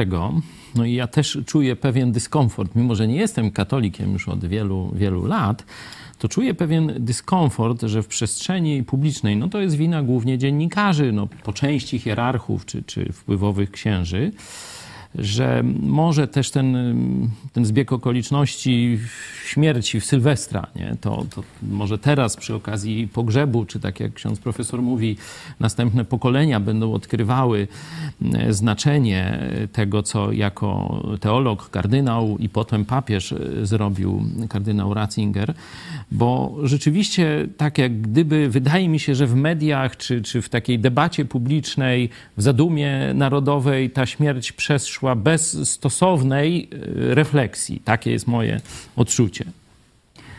To znaczy, tutaj, jeśli mogę, e, proszę Państwa, bym się nie zgodził. To znaczy, e, sporo było takich e, komentarzy ciepłych w mediach liberalnych, konserwatywnych. Także myślę, że gdybyśmy to mierzyli w Europie, to na pewno u nas w Polsce nie było źle, a może nawet lepiej niż w innych krajach. Natomiast to, czego brakuje, to jest no, taka głębsza oczywiście analiza tego, czym było całe życie Józefa Ratzingera i co jest specyfiką jego rozumienia chrześcijaństwa. Może na to przyjdzie jeszcze czas w najbliższych latach, ale z pewnością tego od soboty brakuje. To znaczy, mamy bardzo niewiele takich głębszych, analitycznych wypowiedzi i świetnie, że dzisiaj u Państwa, w Państwa telewizji o tym rozmawiamy. Dziękujemy za udział w dyskusji. Tomasz Terlikowski, Benedykt XVI chciał zmian, ale pokonał go układ w kurii rzymskiej. No, zdaje się, Tomasza Terlikowskiego też tam jakiś układ pokonuje, ale o tym w dogrywce. Tak, o tym, o tym więcej o e, godzinie 18. Jeszcze na koniec chciałam zapytać o e, znaczenie polityczne też e, postaci Józefa Ratzingera, papieża Benedykta XVI. Jaki miał wpływ największy na, na historię świata? Wcześniej mówiliśmy głównie o tym wpływ- wpływie duchowym i razem z tym pytaniem pytanie o, o znaczenie jego śmierci również na, na politykę, szczególnie na politykę Watykanu. Chciałbym tutaj powrócić do roku 2013. Uważam, że setek, z tysięcy wypowiedzi po abdykacji, które spotkałem, najgłębszą przygotował, zaproponował włoski żyjący je- ciągle myśliciel Massimo Cacciari. Massimo Cacciari y, to jest były włoski komunista, człowiek włoskiej lewicy, wybitny y, filozof, przez pewien czas y, burmistrz Wenecji, bardzo aktywny w mediach, promujący filozofię, czy taką głębszą diagnozę polityczną, czy społeczną. I, I to, co ważne, y, Cacciari jako agnostyk bardzo życzliwie patrzy na religię, mówi o potrzebie religii w życiu y, publicznym, często staje w obronie jako ateista, jako agnostyk chrześcijan, wspólnot chrześcijańskich, pokazując bardzo pozytywną społeczną rolę religii. I po abdykacji y, napisał y, taki tekst bardzo przejmujący Massimo Cacciari, którego główne wyrażenie brzmiało tak, brzmiało tak abdykacja to jest finis Europy. Koniec Europy. Co chciał powiedzieć Massimo Cacciari? Otóż w jego przekonaniu y, centralna y, pozycja Europy w świecie przez tak naprawdę całe dwa tysiąclecia była związana z chrześcijaństwem i w dużym stopniu z papiestwem. To z Europy y, wyjeżdżali na inne kontynenty misjonarze, to z Europy było głoszone chrześcijaństwo innym ludom i narodom y, na całej ziemi, a tą jakby centralną, tą centralną siłą ewangelizacji, ale także wpływu politycznego był Rzym i papiestwo. Stąd płynęła potęga y, polityczna Europy. Y, I y, wraz z abdykacją Ratzingera, wraz z odejściem pewnego modelu papiestwa, takiego sakralnego, majestatycznego, no bo w pewnym sensie abdykacja zmieniła rozumienie papiestwa, czyniąc papiestwo bardziej taką demokratyczną instytucją i wraz z postępującym y, ateizmem y, y, czy sekularyzacją Europy, wraz ze słabnącym papiestwem i wraz ze znikaniem chrześcijan z y, Europy, Europa traci tę centralną y, pozycję w świecie. W związku z tym y, ja się zgadzam z tą opinią Massima Cacciarego, że abdykacja Józefa Ratzingera to jest taki symboliczny zwrot w dziejach Europy, gdy chodzi o słabnącą rolę polityczną i kulturową naszego y, kontynentu. Oczywiście to się nie stanie z dnia na dzień, ale no, widzimy już chyba teraz także przy okazji wojny rosyjsko-ukraińskiej, jak się tworzy na naszych oczach nowy ład w świecie, nowy model relacji międzynarodowych i w tym świecie przyszłości pozycja Europy polityczna, kulturowa już nie będzie tak centralna, jak to było w przeszłości. Pastor Paweł Chojecki, No. e, jakie znaczenie dla polityki, dla światowej polityki Jeszcze miał tylko się odniosę. Nie znając em, dorobku tego e, myśliciela włoskiego, dzisiejszy program zatytułowaliśmy właśnie w tym duchu Papież umarł. E, Też troszkę bardziej symbolicznie niż e, tylko jeśli chodzi o fizyczną e, śmierć e, Benedykta XVI. A jeśli chodzi o polityczne znaczenie, to myślę, że to był ostatni człowiek w Watykanie, e, który jeszcze opowiadał się za takim chrystocentrycznym rozumieniem naszej cywilizacji i ostrzegał przed islamem i innymi religiami. To jego wołanie z Ratyzbony to jest moim zdaniem najważniejszy głos polityczny. On teraz, kiedy widzimy, co się dzieje czy przy okazji e, finału Mistrzostw Świata w Katarze, w takich stolicach kiedyś przecież no, szczyt kulturalnych aspiracji Europejczyków, Paryż, Bruksela, Berlin i tak dalej, i tak dalej. To, co się tam dzisiaj dzieje, czy przy okazji Nowego Roku, pokazuje, że papież Benedykt miał rację, że to ostrzeżenie było trafne i że to ostrzeżenie zostało zlekceważone, on został zaatakowany, wyśmiany, nawet tak upokorzony przez jakieś takie formy przepraszania czy wycofywania się, się e, z tego. Także oprócz tego wątku pedofilskiego, z którym walczył e, kardynał Ratzinger, ten też chciałbym mocno podkreślić. A idąc tokiem rozumowania księdza profesora, to rzeczywiście,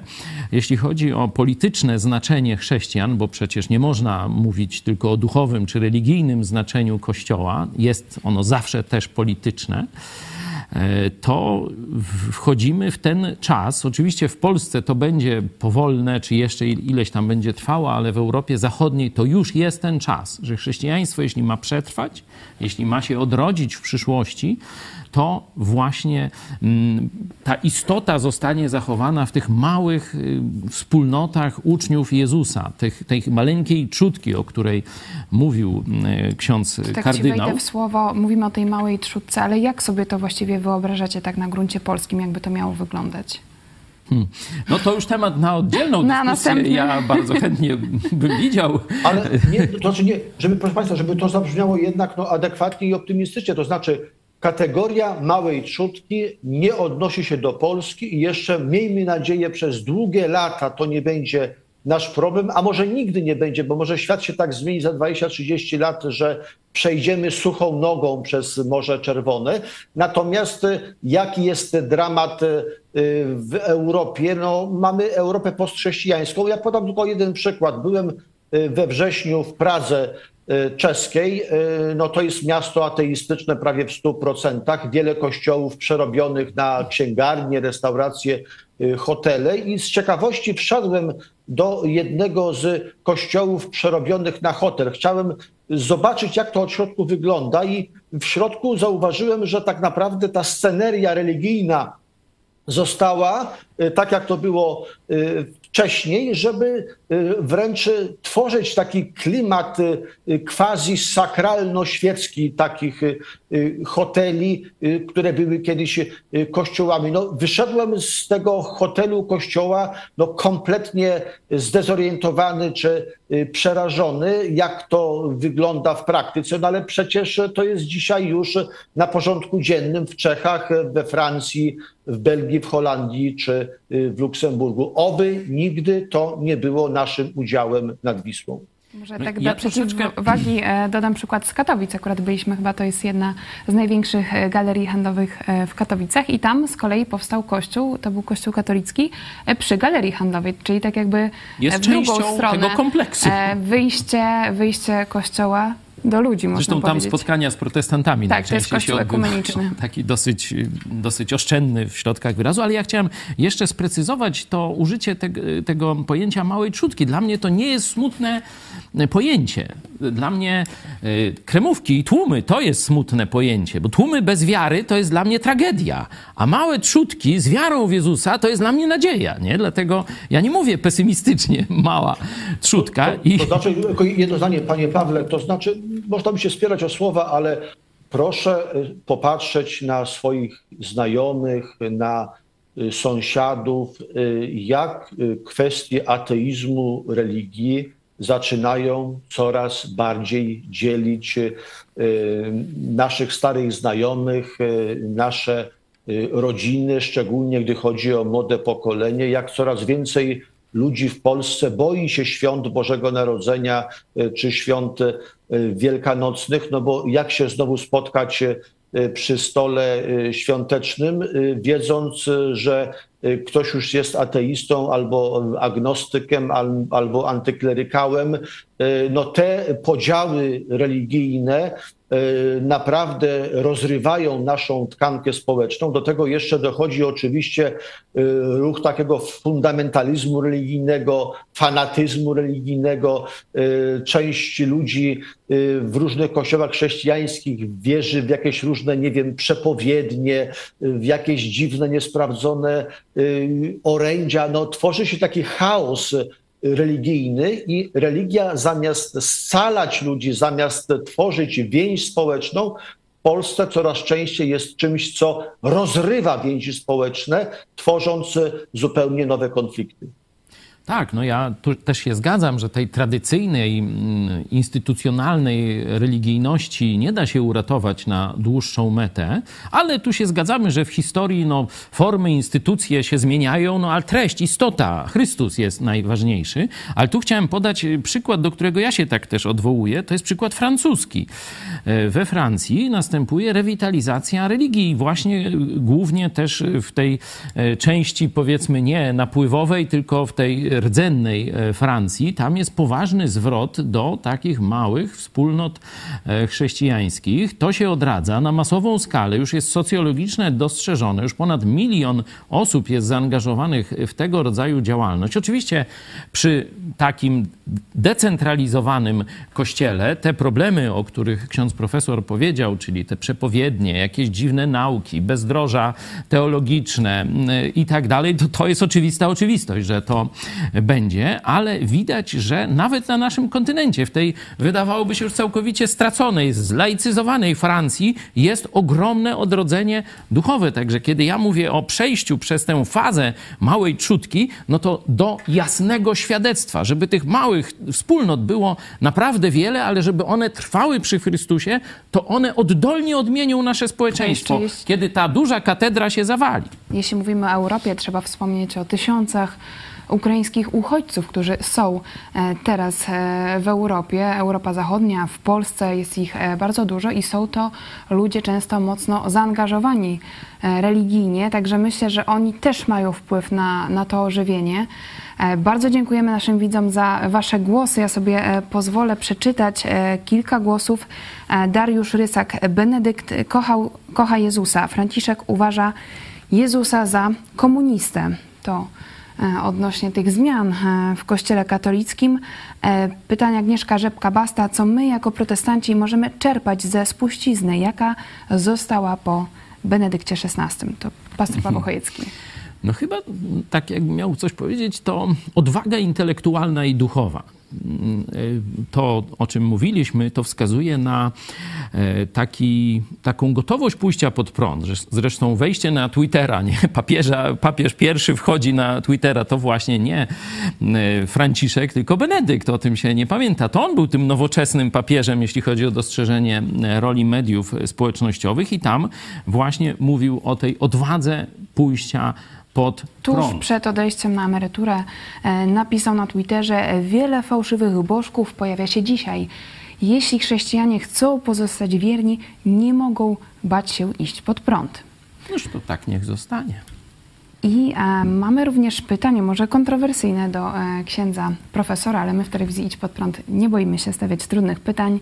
E, Miro Lapalainen, e, czy dla Polaków lepiej jest słuchać telewizji Idź Pod Prąd, czy radia e, księdza Ryzyka?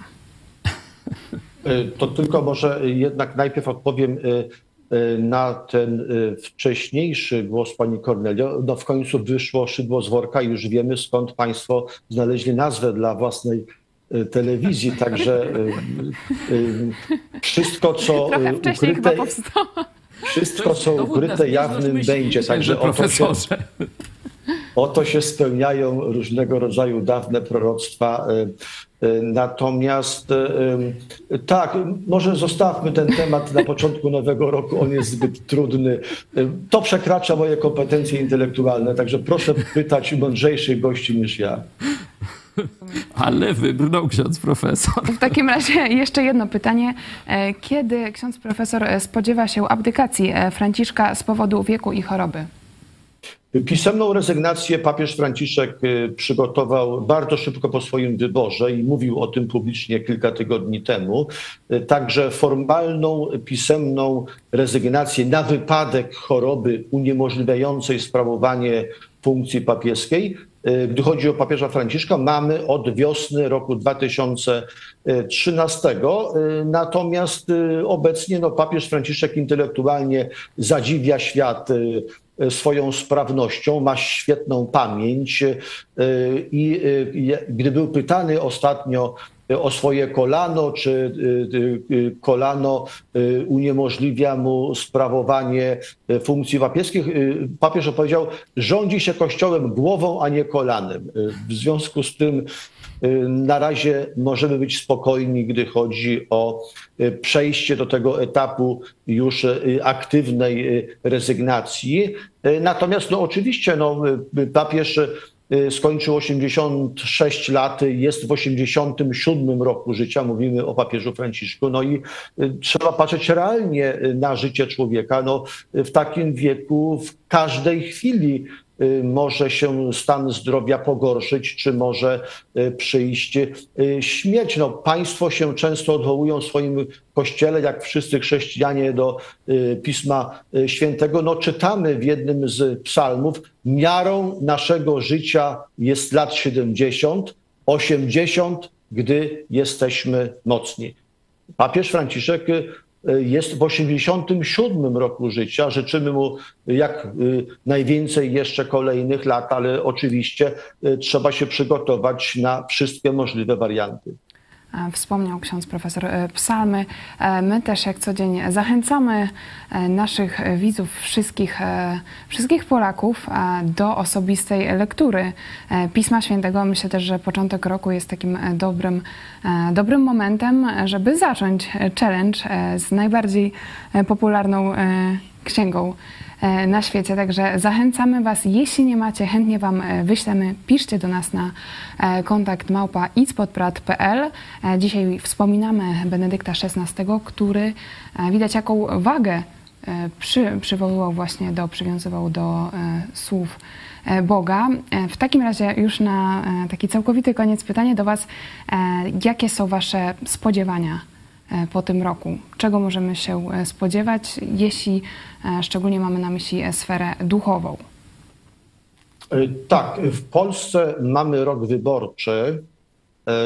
Więcej jeszcze, najbliższe trzy lata to będą lata wyborcze, czyli wybory parlamentarne, samorządowe, europejskie i prezydenckie w roku 2025. Niestety wszystko wskazuje na to, że y, emocje i nienawiść będą sięgać zenitu. Już dzisiaj jesteśmy najbardziej skłóconym, podzielonym społeczeństwem w Europie, y, a w najbliższych y, trzech latach to się może jeszcze pogłębić. No i to jest życzenie takie, myślę, nasze wspólne, szczególnie do chrześcijan w Polsce należących do różnych Y, kościołów, żeby ten poziom nienawiści y, obniżać, y, żeby szukać kompromisu, żeby tego sukna polskiego nie rozrywać, no bo to jest pytanie takie nasze wspólne, jaki jest wkład polityczny chrześcijan w naszym kraju, jak się troszczymy o dobro wspólne i jaki jest, że tak powiem, sposób e, politycznego rozwiązywania e, problemów naszego kraju, a one są no, ogromne w kontekście wojny rosyjsko-ukraińskiej, czy w kontekście swego rodzaju trzeciej wojny światowej, która, e, że tak powiem, wydarza się na naszych oczach. Także z jednej strony możemy sobie życzyć, Pani Kornelio, w tym roku wierności Jezusowi Chrystusowi i jeszcze głębszego przylgnięcia do Pana Boga, no ale z drugiej, żeby się też nie zamykać w takim no, spokoju własnych czterech ścian, trzeba też z własnej wiary wyprowadzać kulturowe, społeczne konsekwencje. I no to jest pytanie, żeby e, jeszcze bardziej, postulat bardziej, żeby się jeszcze bardziej troszczyć o dobro wspólne, o sprawy społeczne, o to wszystko, co dzieje się w Polsce, w naszych wioskach, w naszych miastach czy w naszej części Europy.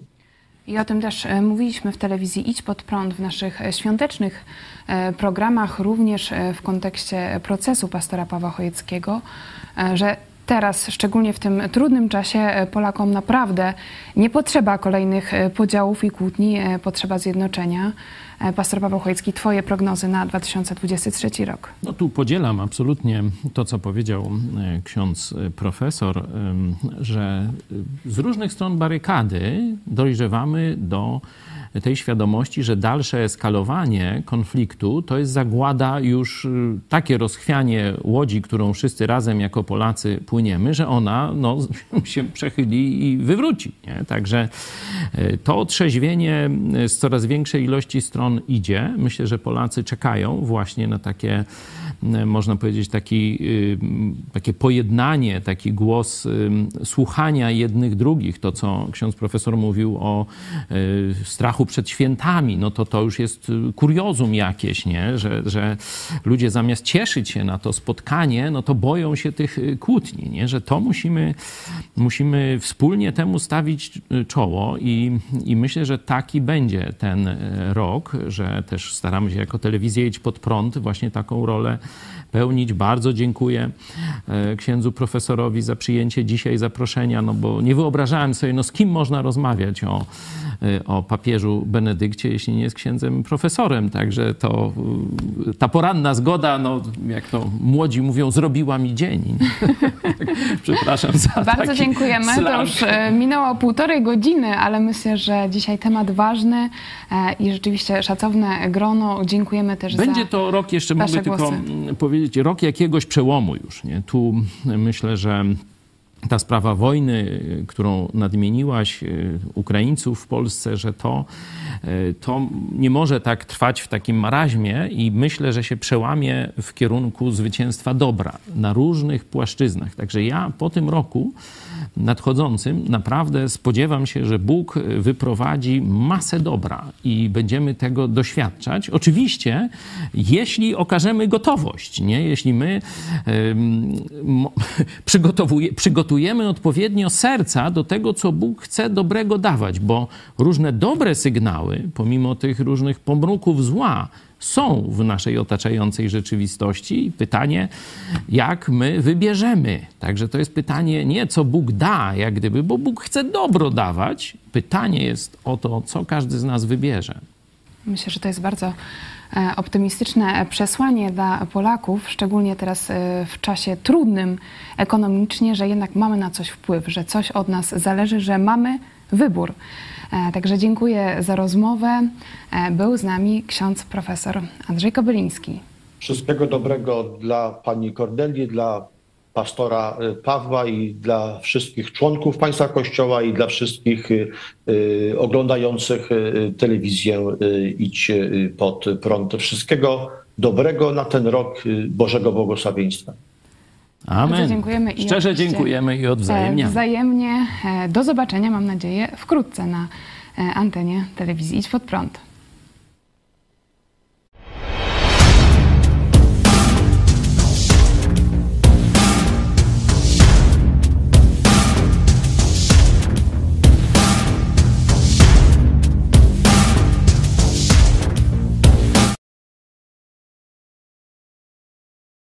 Dziękuję bardzo, pozdrawiam. My gnamy dalej. Pozdrawiamy e, księdza e, profesora. E, Chciałam jeszcze na koniec przejść do wsparcia telewizji Idź Pod Prąd. Jeden zachęcający głos, Dariusz Rysak. Nowy rok zacząłem od gitarki dla Idź Pod Prąd i rzeczywiście finisz grudniowy. No tutaj świętowaliśmy Sylwestra, Było Nowy Rok, ciężko, ale było do ciężko. końca były emocje. Praktycznie dopiero w Nowy Rok rano, no już tak spodziewaliśmy się w, tak przed 12, ale pewność przyszła dopiero rano, tam jak Michał Fałek przejrzał wszystkie te zapisy, no bo tam nie chcieliśmy mu, żeby siedział w nocy tej ważnego wieczoru.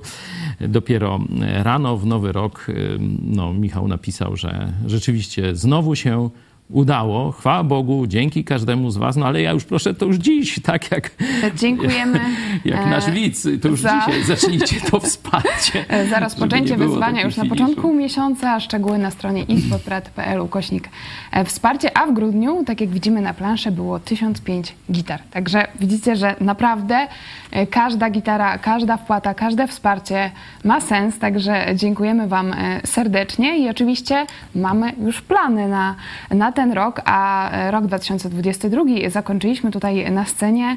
Był niesamowity koncert grupy muzycznej Kościoła Nowego Przymierza w Lublinie i dobra wiadomość dla Was, że zostało to nagrane, także już mam nadzieję za kilka dni będziecie mogli to przeżyć razem z nami. Znajdziecie relacje na naszym kanale, a No jeśli... tak śpiewają kolendy protestanci, Nie, to to, było chyba, naprawdę- to chyba nie znajdziecie. To było coś niesamowitego. E, jedno z najbardziej na waszą ocenę. wzruszających przeżyć, jak dla mnie, e, zeszłego roku. Jeśli mówimy o koncertach, to mam dobrą e, wiadomość. Szykują się kolejne koncerty państwa Dajuków i zespołu. Na naszej stronie ispodprat.pl znajdziecie szczegóły. Już 6 stycznia w Węgorzewie o 17, Giżycko 7 stycznia o godzinie 17 i 15 stycznia Przezmark, e, powiat sztumski. Także szczegóły na planszy i na naszej stronie e, ispodprat.pl. Gorąco Was zachęcamy. Wiem, że na ostatnim e, koncercie, zdaje się w Wejherowie, tak jak słyszałam z relacji, 90% osób, które były na tym koncercie, to były osoby, które pierwszy raz w życiu w ogóle były na jakimś wydarzeniu chrześcijańskim. Chodzi o protestanckie Tak. wydarzenie, no bo na różnych katolickich wydarzeniach, no to, to na pewno byli. E, W naszym e, sklepie Idź Pod Prąd jest e, dostępny e-book e, Słomiany ogień e, Piotra e, Setkowicza, a po programie e, Pomyśl dziś, e, właśnie. kto jest najważniejszy. Tu taka ciekawostka, że nie mogliśmy tego właśnie, co za chwilę usłyszycie, umieścić w nowy rok na Twitterze, że podobno ten Może jakieś zakazane przesłanie. przesłanie łamie standardy Twittera. Ciekawe. Posłuchajcie i wskażcie, gdzie Ale na tam- YouTubie jakoś przeszło. Na YouTubie dzięki Bogu przeszło, ale na Twitterze nie przeszło normalnie. A później kartka e, z kalendarza Piotra Setkowicza. Jeszcze o 17 serwis informacyjny Idź Pod Prąd, a o 18 Idź Pod Prąd dogrywka. Będzie się działo. E, Dziękujemy Wam za ten pierwszy Idź Pod Prąd na żywo w nowym roku, że byliście z nami, a ze mną oczywiście pastor Paweł Chojecki. Ja Sylwestra Marzeń nie oglądałem, ale skomentuję. Pozdrawiam. Do zobaczenia. Mamy już nowy, kolejny rok, stąd na samym początku warto sobie zadać pytanie: kto jest według Ciebie najważniejszy?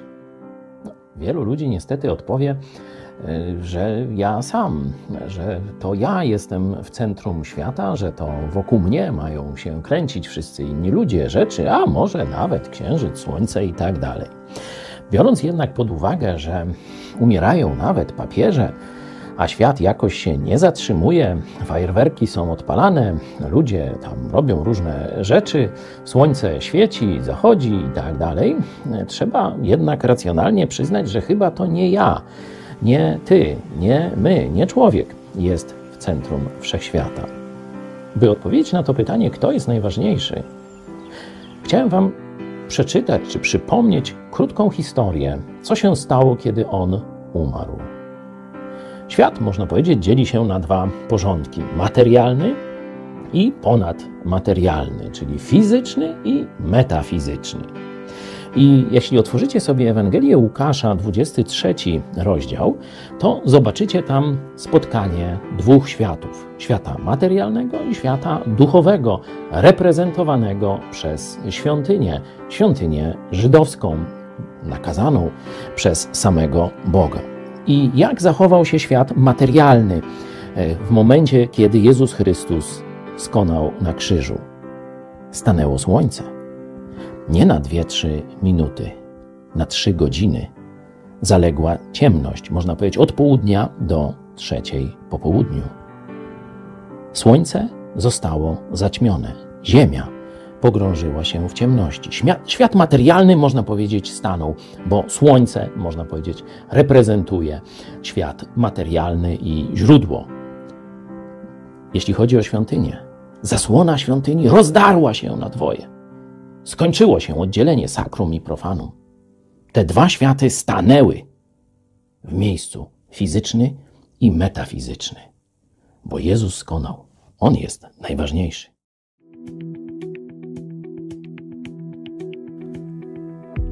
2 stycznia 1732 roku ukazał się w Warszawie druk pod tytułem Programa Literarium, czyli program uczony dla bibliofilów, drukarzy i księgarzy oraz dla wszystkich miłośników sztuk wyzwolonych. Jego autorem był Józef Andrzej Załuski, referendarz koronny i biskup kijowski. Druk ten przedstawiał program wspomagania działających aktualnie polskich wydawnictw, a także ochrony polskiego dorobku kulturalnego. Jednym z punktów tego programu było utworzenie biblioteki publicznej. Dzień ten przyjmuje się za datę powstania Biblioteki Załuskich. Ród Załuskich od dawna gromadził książki. Poza Józefem Andrzejem swoje zbiory oddał na potrzeby biblioteki jego brat Andrzej Stanisław Załuski, biskup płocki. Częścią jego księgozbioru była Biblioteka Sobieskich, która z kolei zawierała w sobie Bibliotekę Żółkiewskich. Początkowo zbiory zgromadzono w klasztorze karmelitów w Warszawie. Później bracia zakupili na potrzeby tworzonej biblioteki kompleks usługowo-hotelowo-handlowy Maryville. Ostatecznie Maryville sprzedali, a kupili pałac Daniłowiczowski i rozpoczęli przerabianie go na potrzeby biblioteki. Biblioteka Załuskich została udostępniona dla publiczności w roku 1747. W 29 salach Pałacu Daniłowiczowskiego znajdowało się wtedy 220 tysięcy tomów drukowanych książek, a także 10 tysięcy rękopisów, broszury, ryciny, mapy, zbiory monet, obrazów i rzeźb. Była to jedna z największych bibliotek świata. Do roku 1794 liczba książek wzrosła do ponad 400 tysięcy. Po upadku powstania kościuszkowskiego na rozkaz carycy Katarzyny została zrabowana i przeniesiona do Petersburga. Bolszewicy zwrócili większość zbiorów po pokoju ryskim i stały się one fundamentem Biblioteki Narodowej zniszczonej w Powstaniu Warszawskim.